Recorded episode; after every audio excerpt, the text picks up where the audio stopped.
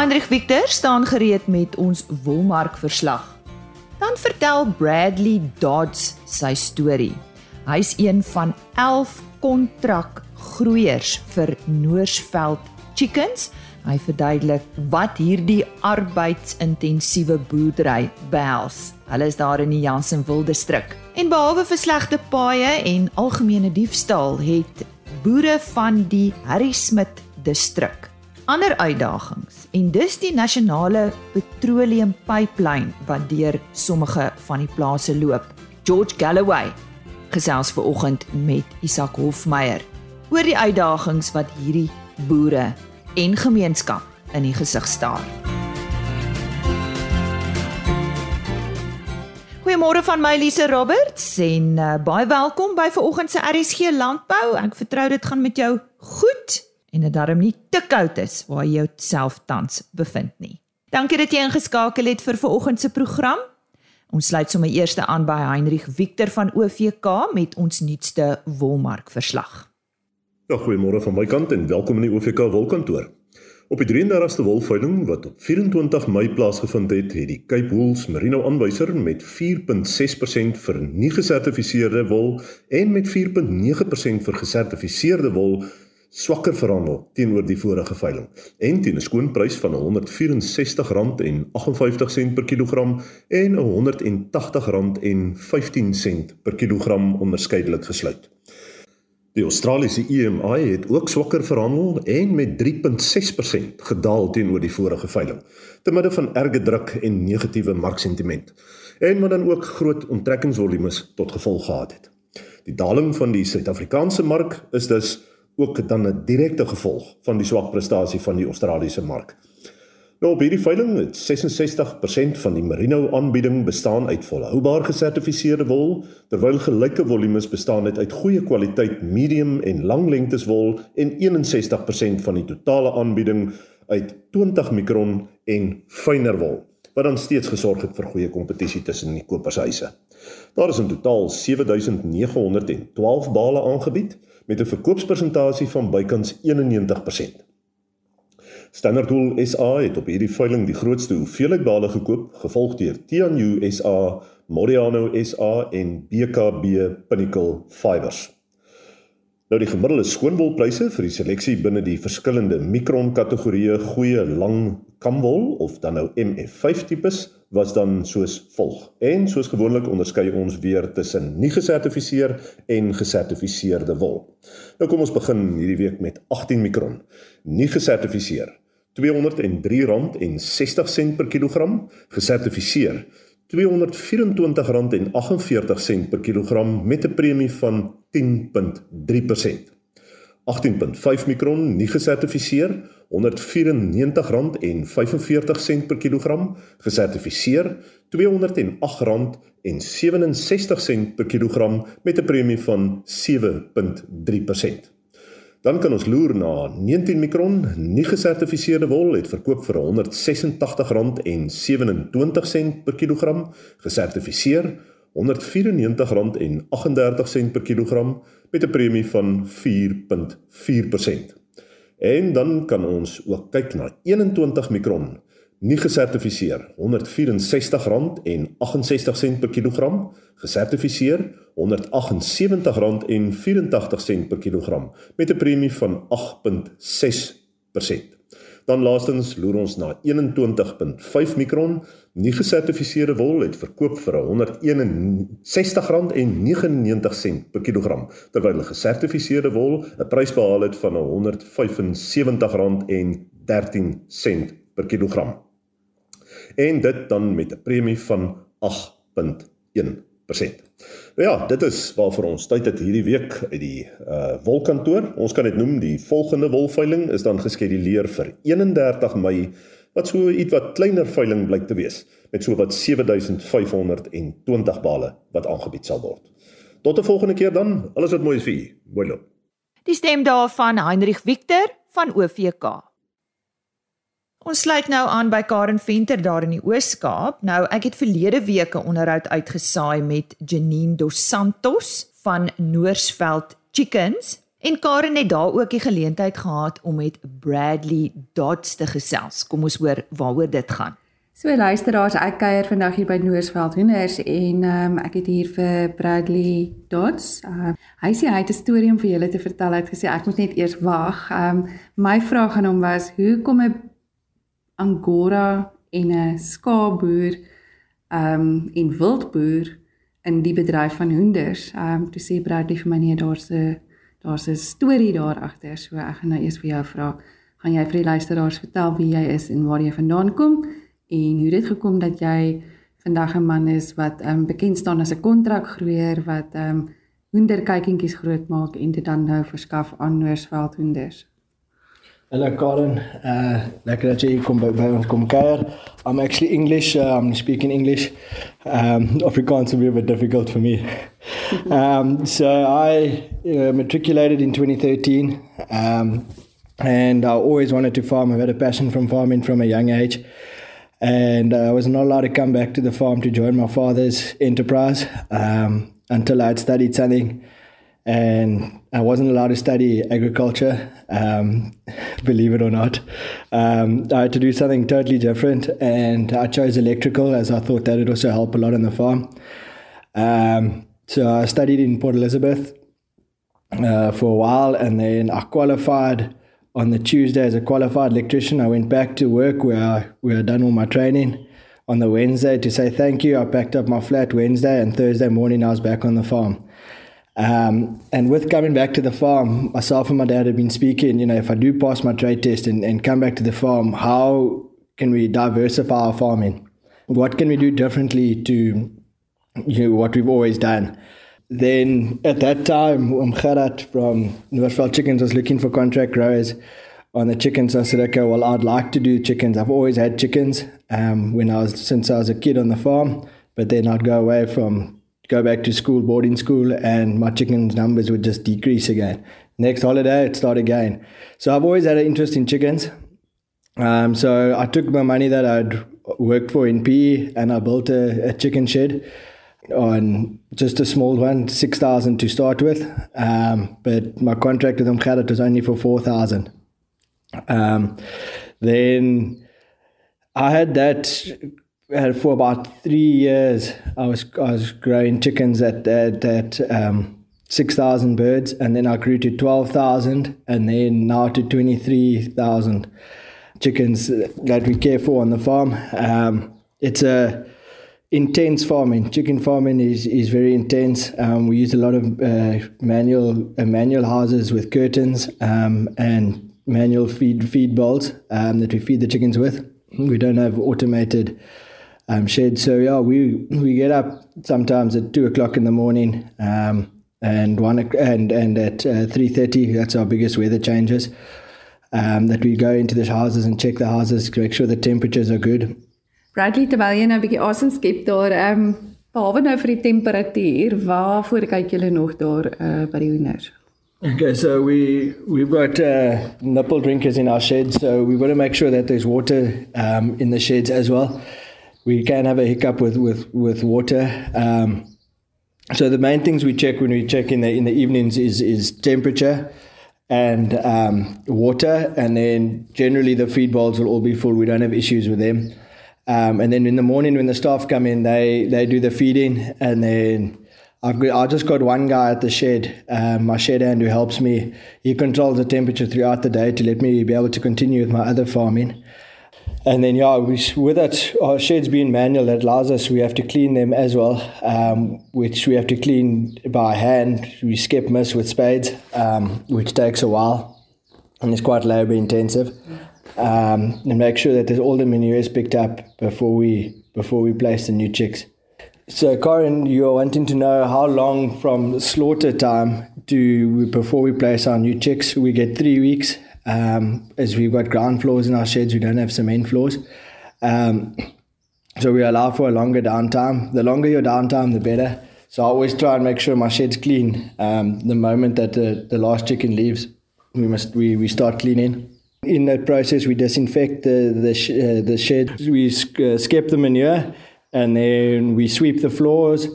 Um, and then we soap the sheds and then we disinfect them and we caulk the, the, the whitewash the floors to kill any bacteria. And then I try and like that downtime to be longer than, than 10 days. Uh, that's where I found I've had my most success. Um, chicken farming is it's difficult. It, it's easy to raise a chicken. Um, but to master it is is difficult. Um, I found the smaller my sheds were, the, the, the, the more control I had, the better I did.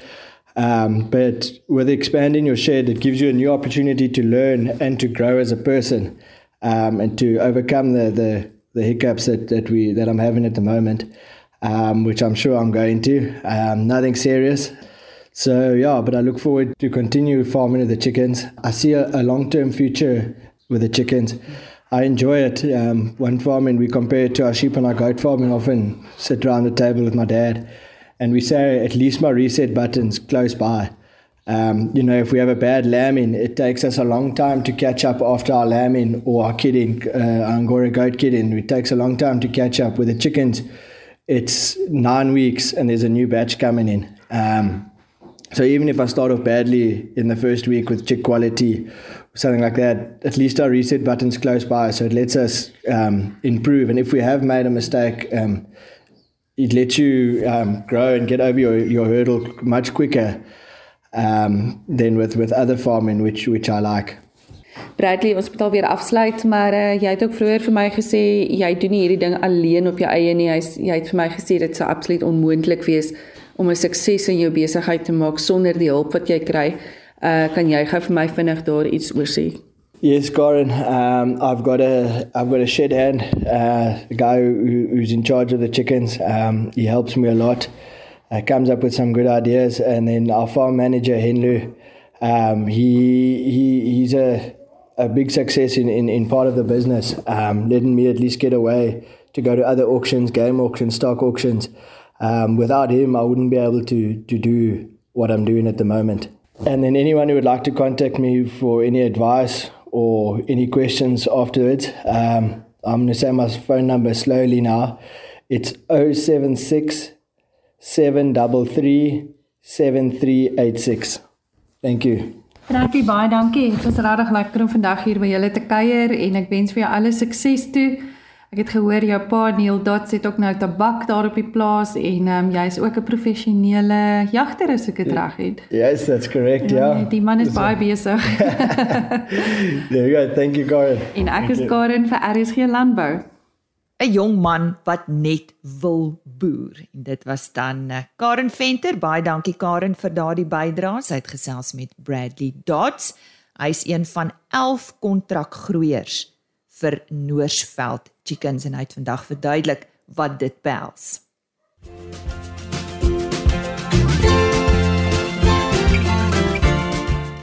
Ons beweeg nou Vrystaat toe en uh, sluit aan by Isak Hofmeyer. Ons hoor watter uitdagings boere van die Harry Smit distrik tans in die gesig staar. George Galloway is al vir die afgelope 15 jaar of wat voorsitter van die Harry Smit distriks boereunie. Ons gesels ver oggend oor uh, infrastruktuur, daai een aspek wat nogal 'n groot rol speel in boere se lewens. George, as ons praat oor infrastruktuur in hierdie streek wat wat julle bedien, en wat is die hoofpunte wat ons moet inbring in so 'n bespreking? Isak, wat ons uh, begin, laat ek net dit sê. Die probleme wat ons hier in Harry Smith ervaar met infrastruktuur is nie uniek aan Harry Smith nie. Dit word waarskynlik ervaar en ondervind deur dwars deur die hele Vrystaat. En waarskynlik ook in die meeste ander provinsies. Infrastruktuur, jy weet ons kan 'n boek skryf oor paaie.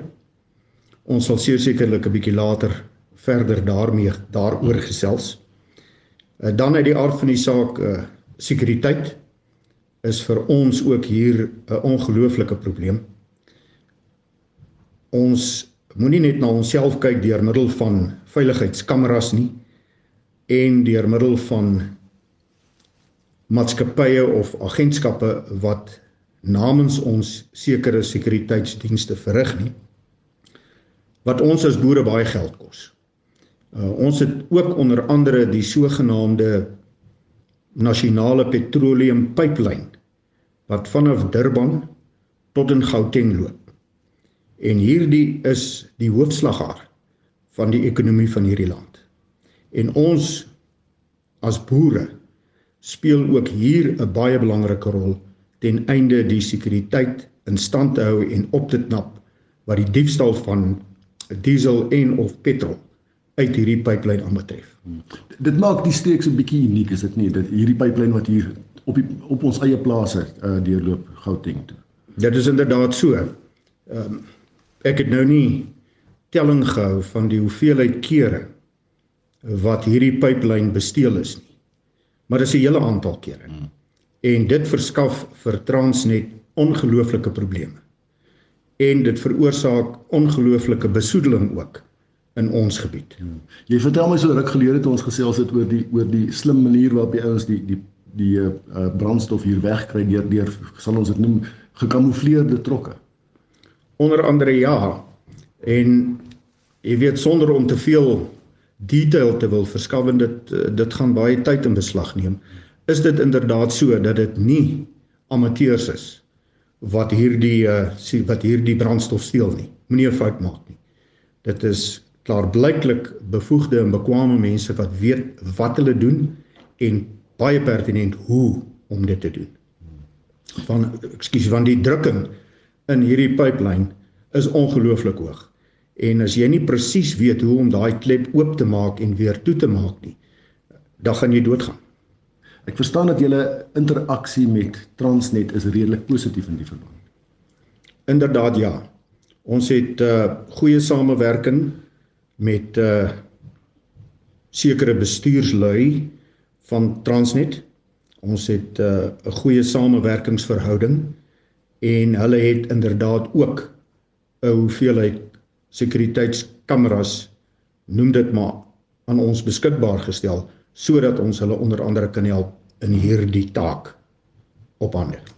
Ek wil graag fokus op die op die paaie netwerk eintlik. Dit was die oorspronklike doel van hierdie onderhoud. As ek dit reg verstaan het ons twee tipes paaie in hierdie omgewing, teerpaaie en grondpaaie. Dit is inderdaad so. Uh ons het ongeveer 500 km sekondêre paaie. Nou dit is in ons taal gesê sogenaamde grondpaaie. En dan het ons ongeveer 120 km teerpaaie waarna hierdie departement ook moet kyk en wat hulle natuurlik nie doen nie. Om jou net 'n idee te gee wat die wat die sekondêre paaie aanbetref in ons gebied. Uh Harry Smith distrik het een padskraper. En hierdie padskraper moenie net Harry Smith distrik doen nie, hy doen ook Kwakwa. Met ander woorde Maluti Apofung. Die padskraper is vir maande buite werk. As die padskraper miskien eendag werk, dan is daar nie diesel nie of daar is nie 'n operateur nie. Groot probleem. Dan het die aard van die saak wat die teerpaaie aanbetref vanaf Harry Smith na Verkekerskop ongeveer 50 km Die boere kyk ook na die slaggate en grys of maak gooi teergrys in die slaggate ten einde dit te herstel. Dan 'n pad wat my na in die hart lê is die sogenaamde Olifuurshoek paspad. Die mense wat hierdie pad uh, gebruik moet vanaf Gauteng en vanaf Limpopo deur Harry Smith ry na die Natalse Middellande toe. Dit beteken vir ons ekonomie in Harry Smith baie. Nou sit ons met 'n ongelooflike probleem. Dis kan die grens met Natal is daar werklik waar ek kan dit amper 'n sinkgat noem waar dat 'n mens uitermate versigtig moet wees veral in die in die aand of gedurende die nag. Dan het die aard van die saak nou, dit is nie ons departement se verantwoordelikheid nie se verantwoordelikheid nie, maar dit is Natalsinne en daar staan die die herstelwerk ook nou al vir maande stil wat ook 'n baie baie groot risiko skep vir reisigers. Nou dit dit in kort is die probleme waarmee ons sit. En ek kan vir jou sê die die boere in die Harry Smith distrik spandeer nie honderde duisende rande nie. Ons spandeer miljoene rande ten einde ons sekondêre paaie in stand te hou. Nou ek hoef nie daarop uit te brei om vir jou te vertel wat alles in die Harry Smith distrik verbou word nie. Buiten ons bees en skaapboerderye. Hier word baie appels, aardappels, sojabone, suikerbone. Ons kan dit opnoem. Geweldig baie geproduseer en dit moet vervoer word. En ons moet sorg dat ons baie in stand hou. Hmm. Dit dit bring ou by die die horings van 'n dilemma aan die een kant moet jy die paaie kan gebruik so jy moet dit maar regmaak maar aan die ander kant in die proses uh verlig jy die druk op die ouens wie se verantwoordelikheid dit in die eerste plek is. Isak kyk jy, jy weet dit maak my kwaad.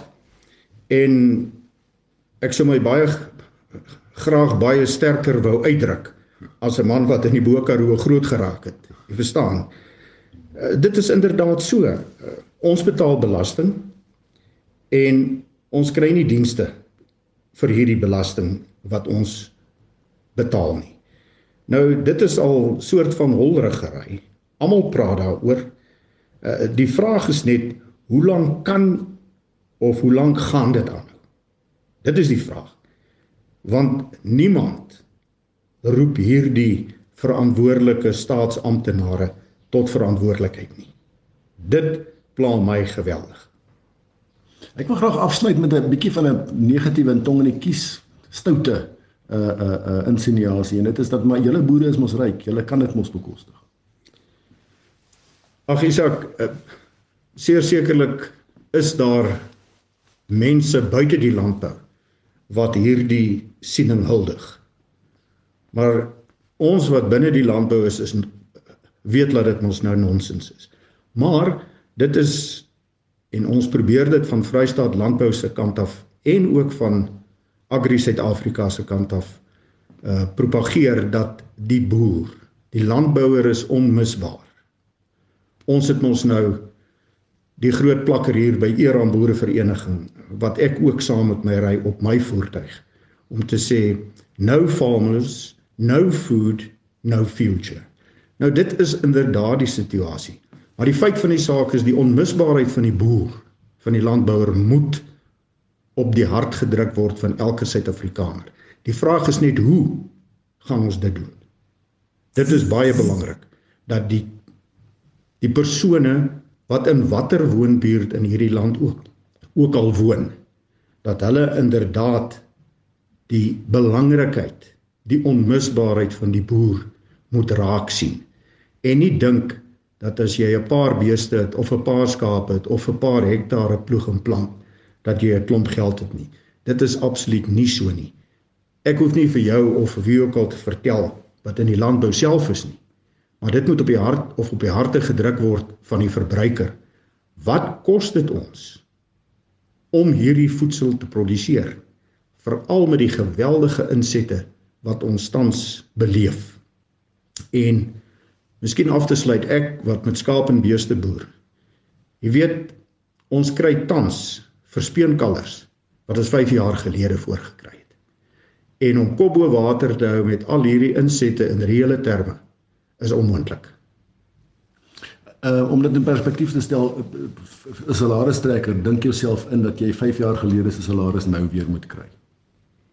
Ja nee, dit is dit is uh dit sal ons nou groot chaos veroorsaak. Dit sal maak dat die mensdom uh, geweldig wil staak, dat hulle geweldig sal wil dans en brand en alles wat daarmee gepaard gaan. Dit gaan mense kwaad maak ja. Maar ons landbouers boere is ongelukkig prysnemers. En ons kan nie die pryse vasstel van die produk wat ons wil hê nie. En ons kan nie eers of tot 'n groot mate kan ons nie eers die produkte terughou nie. Want die man daar aan die bank of die vrou daar aan die bank verwag dat 'n rekening gediens moet word en dit is nie so eenvoudig nie. Dit was George Galloway, voorsitter van die Harrismith Distriks Boere Unie. My naam is Isak Hofmeyer vir RSG Landbou. Dankie Isak en Isak het my verseker dat dit nie die laaste bydra is oor hierdie onderwerp nie. So luister uit vir nog vanaf Isak Hofmeyer daar in die Harry Smit omgewing. Dis dan vandag se RSC Landbou. Ons sien uit om môreoggend weer saam met jou te kuier, net weer 'n e-posadres en webtuiste rsg.co.za vir die volledige programme agriorbit.com al die onderhoude word daar afsonderlik gelaai. En 'n e-posadres rsglandbou@plaasmedia.co.za kom ek herhaal rsglandbou@plaasmedia.co.za ek hoop jy het jou positiewe weekie op vandag. Laat dit net met jou goed gaan. Totsiens.